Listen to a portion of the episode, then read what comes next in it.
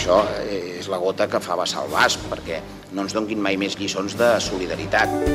¿Sabías que, en plena crisis, Andalucía es una de las economías más saneadas del país?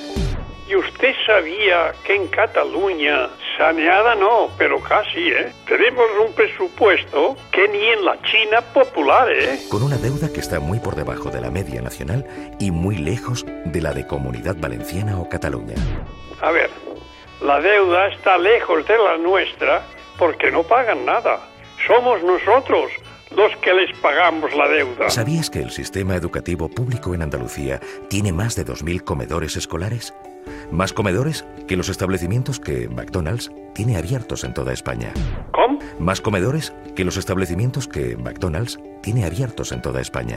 ¿Sabía usted que en Cataluña, McDonald's pocos, somos más de Viena o Pans and Company? ¿Sabías que somos la única comunidad autónoma que ha puesto en marcha planes propios para la creación de empleo?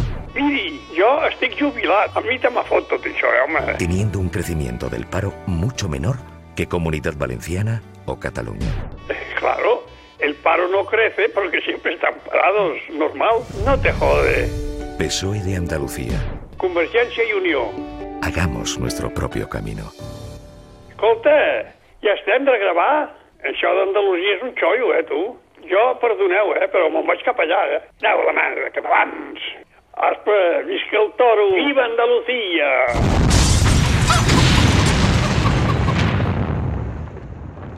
Tot és molt confús. De dilluns a divendres de 12 a 1 del migdia a Catalunya Ràdio amb Pere Mas.